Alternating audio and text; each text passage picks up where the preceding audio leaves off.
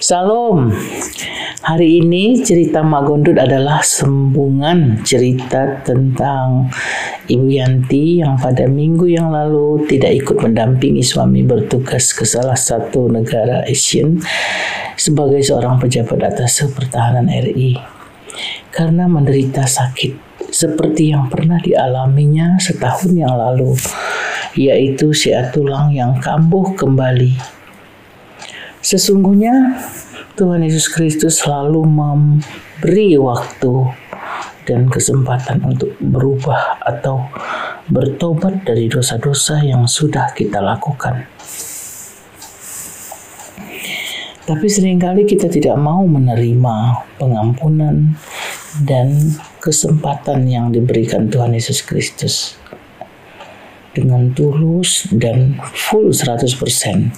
Kita selalu mencari-cari alasan untuk dimaklumi akan ketidaktaatan dan ketidaksetiaan kita dalam iman kepada Tuhan Yesus Kristus.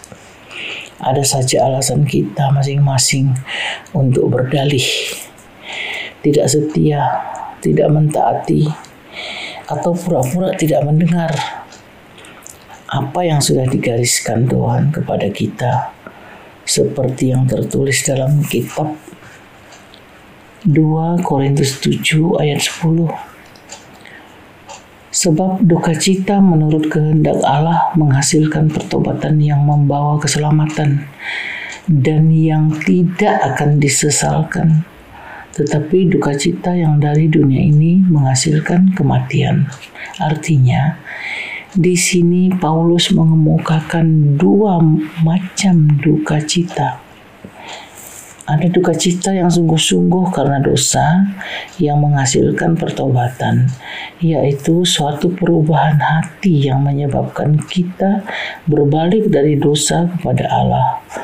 Pertobatan semacam ini membawa keselamatan bagi Paulus, pertobatan dari dosa dan iman dalam Kristus merupakan tanggung jawab manusia dalam keselamatan. Sebaliknya, orang yang tidak bertobat sering menyesal mengakibatkan dosa mereka saja.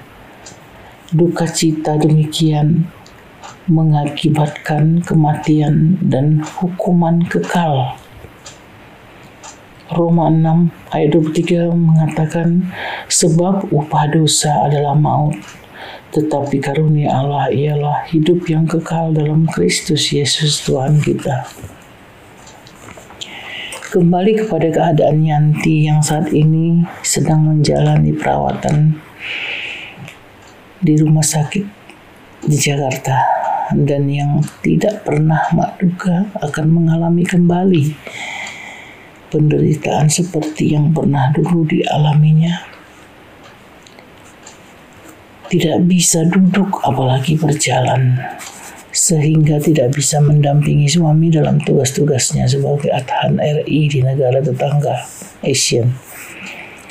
Ibu Sutomo teman Mak yang dekat dengan Yanti selalu menghubungi Mak untuk dapat membesuk Bu Yanti yang selalu menanyakan Mak Kapan bisa ke rumah sakit melihat Yanti? Mak juga sangat bingung kenapa bisa ya. Mak tidak ingat Yanti. Sering lupa kepada Yanti. Apalagi membesuknya. Sepertinya Mak tidak ada waktu sedikit pun untuk Yanti. Apalagi suami Mak sudah pindah tugas ke Papua. Mak harus mendampingi suami ke Papua.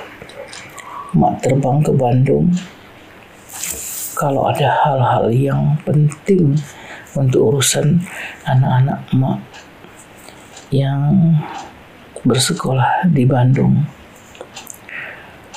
Tapi mak selalu berdoa untuk kesehatan Bu Yanti supaya Tuhan Yesus Kristus mengampuni dosa-dosa kami semua, khususnya dosa-dosa Bu Yanti dan memberi kesempatan untuk kesembuhan dan kesempatan lagi untuk kehidupan yang menjadi berkat bagi sesama. Tapi kehendaknya lah yang terjadi. Mak juga tidak bisa berkata-kata atau berbuat apa pun untuk Bu Yanti. Yang kata teman mak semakin kritis. Lebih menderita lagi daripada sakit sebelumnya. Mak hanya bisa berdoa dan berdoa. Mak ingin meneriakkan ayat-ayat firman lagi kepada Bu Yanti. Tapi mak terlalu jauh di Papua mak ingin meneriakkan ayat firman Tuhan yang ada di kitab Matius 3 ayat 2 yaitu bertobatlah karena kerajaan surga sudah dekat. Tapi mak bukan menghakimi siapa pun. Kenapa ayat firman Tuhan itu yang terus-menerus terngiang-ngiang di telinga dan pikiran yang akhirnya ayat tersebut kalau direnungkan, dikaji, uraiannya sebagai berikut makna dasar dari pertobatan adalah berbalik. Yang dimaksudkan adalah berbalik dari cara hidup yang lama yang tidak berkenan kepada Allah Bapa, kepada Kristus dan melalui Kristus kepada Allah. Tertulis di Yohanes 14 ayat 1 ayat 6 yang pertama, keputusan untuk berbalik dari dosa kepada keselamatan di dalam Kristus menyangkut hal menerima Kristus bukan hanya sebagai juru selamat dari hukuman dosa tetapi juga sebagai Tuhan atas kehidupan kita. Jadi pertobatan meliputi pergantian penguasa dari kekuasaan iblis kepada kekuasaan Kristus dan firman-Nya. Bisa kita baca di kisah 26 ayat 18. Yang kedua, pertobatan merupakan keputusan yang sukarela pada pihak orang berdosa yang dimungkinkan oleh kasih karunia yang memberi kemampuan kepada mereka untuk melakukannya ketika mereka mendengar dan percaya pada Injil. Yang ketiga, definisi iman yang menyelamatkan sebagai sekedar percaya kepada Kristus sebagai juru selamat sama sekali tidak memadai. Apabila dihadapkan dengan tuntutan Kristus untuk bertobat. Menjelaskan iman yang menyelamatkan dalam suatu cara yang tidak mengharuskan seseorang meninggalkan dosa adalah memutarbalikkan secara membahayakan ajaran Alkitab tentang penebusan. Iman yang menyertakan pertobatan adalah syarat untuk memperoleh keselamatan. Itu kita bisa baca di Markus 1 ayat 15. Yang keempat, pertobatan merupakan pesan pokok para nabi dalam perjanjian lama dan orang Kristen dalam perjanjian baru tertulis di Matius 4 ayat 17 bahwa pemberitaan pertobatan harus senantiasa mendampingi berita Injil. Lukas 24 ayat 47 yaitu pertobatan dan pengampunan. Mak jadi teringat kepada Bu Yanti pada tahun-tahun yang lalu di mana Bu Yanti benar-benar diberi pengampunan oleh Tuhan Yesus Kristus. Tapi masalah pertobatan semua itu adalah niat pribadi orang yang menerima pengampunan. Kita manusia hanya melihat luarnya saja, tapi Tuhanlah yang mengetahui isi hati dari ciptaannya kita juga tidak boleh menilai, apalagi menghakimi orang yang menjalani, mengalami, atau menerima pengampunan Tuhan Yesus Kristus yang berdaulat atas segalanya. Melihat perbuatan Bu Yanti yang menurut Mak sangatlah indah dan baik dalam menata hidupnya kembali kepada ajaran Kristus menjadi pengikut dan murid Kristus hal pertobatan dan pengampunan dosa. Para murid tidak boleh memberitakan pengampunan dosa tanpa tuntutan pertobatan. Pengkhotbah yang menawarkan keselamatan atas dasar iman yang gampang atau hanya dengan menerima keselamatan tanpa adanya penyerahan diri untuk taat kepada Kristus. Firman-Nya memberitakan Injil yang palsu. Pertobatan meminta agar kita meninggalkan dosa. Ini selalu merupakan unsur yang penting dalam Injil Perjanjian Baru yang sejati.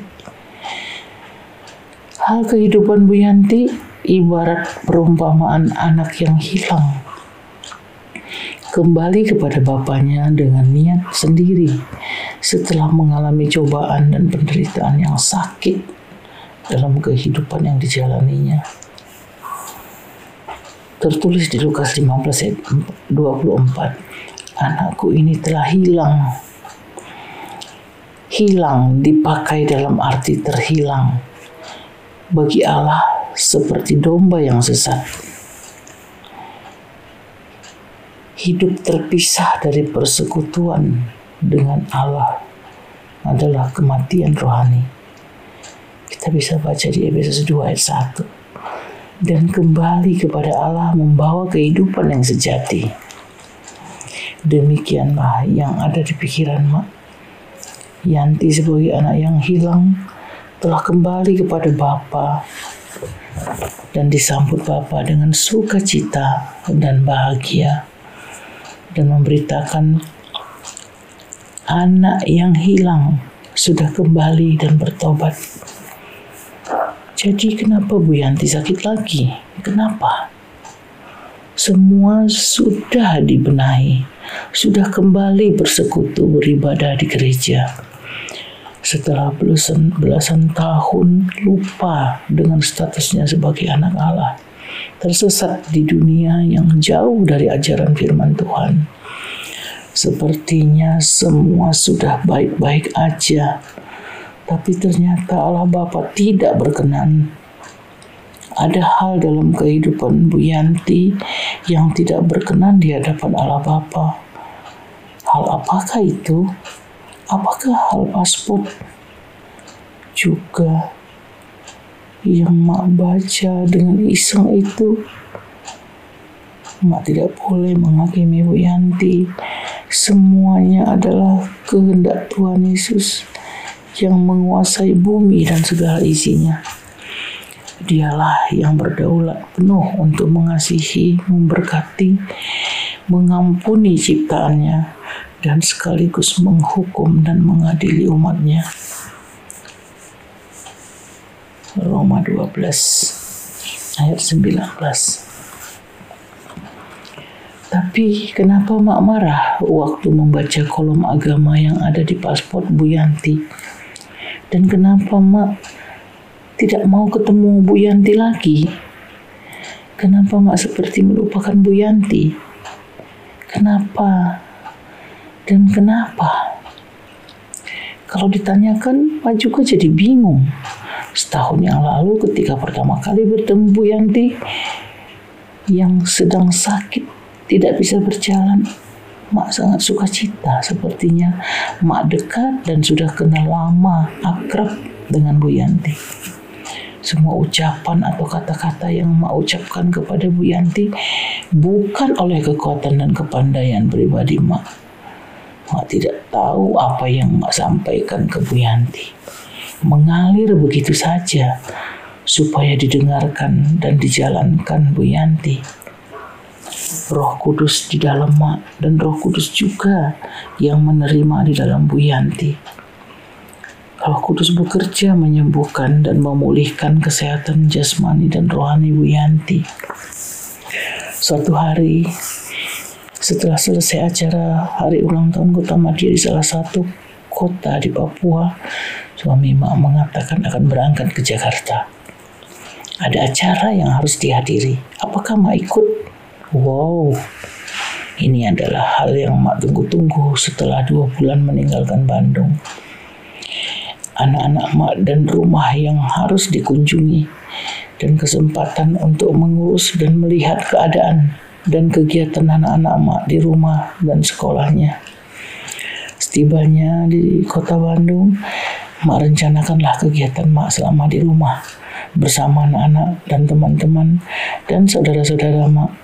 Ada yang sakit, ada yang curhat, ada yang menikahkan anak. Mana yang bisa mak hadiri selalu mak sempatkan hadir. Termasuk jadwal untuk membesuk yang sakit di rumah sakit Jakarta, mak juga sudah atur jadwal khusus besuk Bu Yanti dan saudara-saudara yang sakit dan teman-teman juga Hari itu Mak siap-siap dari Bandung berangkat ke Jakarta mau besuk Bu Yanti dan empat teman dan saudara yang sakit lainnya. Jadi ada lima orang yang mau mak besuk di rumah sakit yang sama dalam sehari itu. Tiga teman dan satu saudara yang sakit, ruangannya berdekatan. Berarti besuk Bu Yanti adalah yang terakhir. Setelah selesai besuk tiga teman, suami, dan satu saudara mak, kami langsung masuk ke mobil. Dan supir yang tadi, dari tadi istirahat sudah segar lagi untuk balik ke Bandung. Hari sudah sore dalam perjalanan itu mak tertidur lelap di belakang sampai dengan tiba di pintu pagar rumah barulah mak terbangun. Dan barulah mak sadar bahwa satu lagi belum dibesuk yaitu Bu Yanti. Ya ampun ada apa ini? Kok bisa lupa busuk Bu Yanti? Kan sudah di rumah sakit. Kok bisa lupa? Benar-benar lupa sama sekali. Padahal sudah dicatat nama-nama yang mau dibesuk hari itu. Nama Bu Yanti pada nomor urutan ketiga. Mak bertanya pada Tuhan Yesus, ada apa dengan Bu Yanti? Kenapa Mak bisa lupa? Gak ingat. Kenapa Mak sepertinya dihalangi? di stop berhubungan lagi dengan Bu Yanti. Dulu mak seperti ditarik, diantar untuk terus mengurus Bu Yanti sampai dengan sembuh. Sekarang mak disuruh lupa. Aneh memang, tapi mak ingat akan firman Tuhan yang mengatakan, Jangan ada padamu Allah lain di hadapanku. Di keluaran 20 ayat 3. Artinya Tuhan memerintahkan umatnya untuk takut akan Tuhan dan hanya melayani dia saja. Tapi sejujurnya tidak ada siapa pun yang bisa menghakimi sesamanya. Rencana dan kehendaknya lah yang jadi. Beberapa hari kemudian ada telepon dari Jakarta menyampaikan berita duka Ibu Yanti telah dipanggil pulang ke haribaan Allah Bapa, pencipta dan pemiliknya. Mak hanya bisa termangu mendengar berita duka ini. Khususnya pesan yang terlampir yang ditujukan kepada Mak dan tulisan yang dibacakan oleh teman Mak dari kota Bekasi, rumah duka tempat Bu Yanti disemayamkan di lingkungan gereja tempat orang tua Bu Yanti terdaftar sebagai jemaat di sana. Pesan Yanti harus disampaikan ke Mak, harus sampai. Yang pertama, Yanti sudah hidup sesuai dengan ajaran Kristen. Yanti sampai dengan akhir hidupnya adalah pengikut Yesus Kristus, beragama Kristen. Yang kedua, Yanti dimakamkan secara Kristen oleh pendeta dan hamba Tuhan dari gereja di Bekasi, tempat ibadah Yanti selama ini. Yang ketiga, Yanti berharap Mak bisa hadir pada pemakaman Yanti sebagai saksi untuk menyaksikan bahwa Yanti adalah pengikut Kristus. Mak hanya diam, membisu, berdoa pada Tuhan Yesus Kristus supaya Roh Kudus tetap bersama Yanti hidup untuk Kristus dan kematian adalah keuntungan. Tertulis di Filipi 1 ayat 21. Yanti sudah bersama Tuhan Yesus Kristus. Tidak ada lagi yang dapat merebutnya dari tangan pengasihannya yang kuat dan berkuasa. Mak hanya setitik debu dibagi seribu yang menempel di kaki Tuhan Yesus Kristus yang dipakainya untuk menyampaikan dan menjelaskan kehendaknya. Tapi tanpa mak sadari, semua kejadian ini membuat mak semakin takut kepada Tuhan. Tuhan yang adil dan kasih. Kasihnya nyata, tapi keadilannya benar-benar dilaksanakan di dalam ranah kekuatan yang diberikannya dalam kemampuan kita untuk menanggungnya karena kita diberi kekuatan yang sempurna untuk memuliakan nama Tuhan saja semua yang diberikannya dan yang akan ditambah-tambahkannya kepada kita kiranya hanya untuk menambah puji-pujian dan kemuliaan bagi namanya yang besar saja. Anugerah dari Tuhan Yesus Kristus, kasih karunia dari Allah Bapa dan persekutuan dengan Roh Kudus yang akan menjaga dan memelihara kita mulai saat ini sampai dengan selama-lamanya. Amin. Demikianlah cerita Mak Gondut hari ini.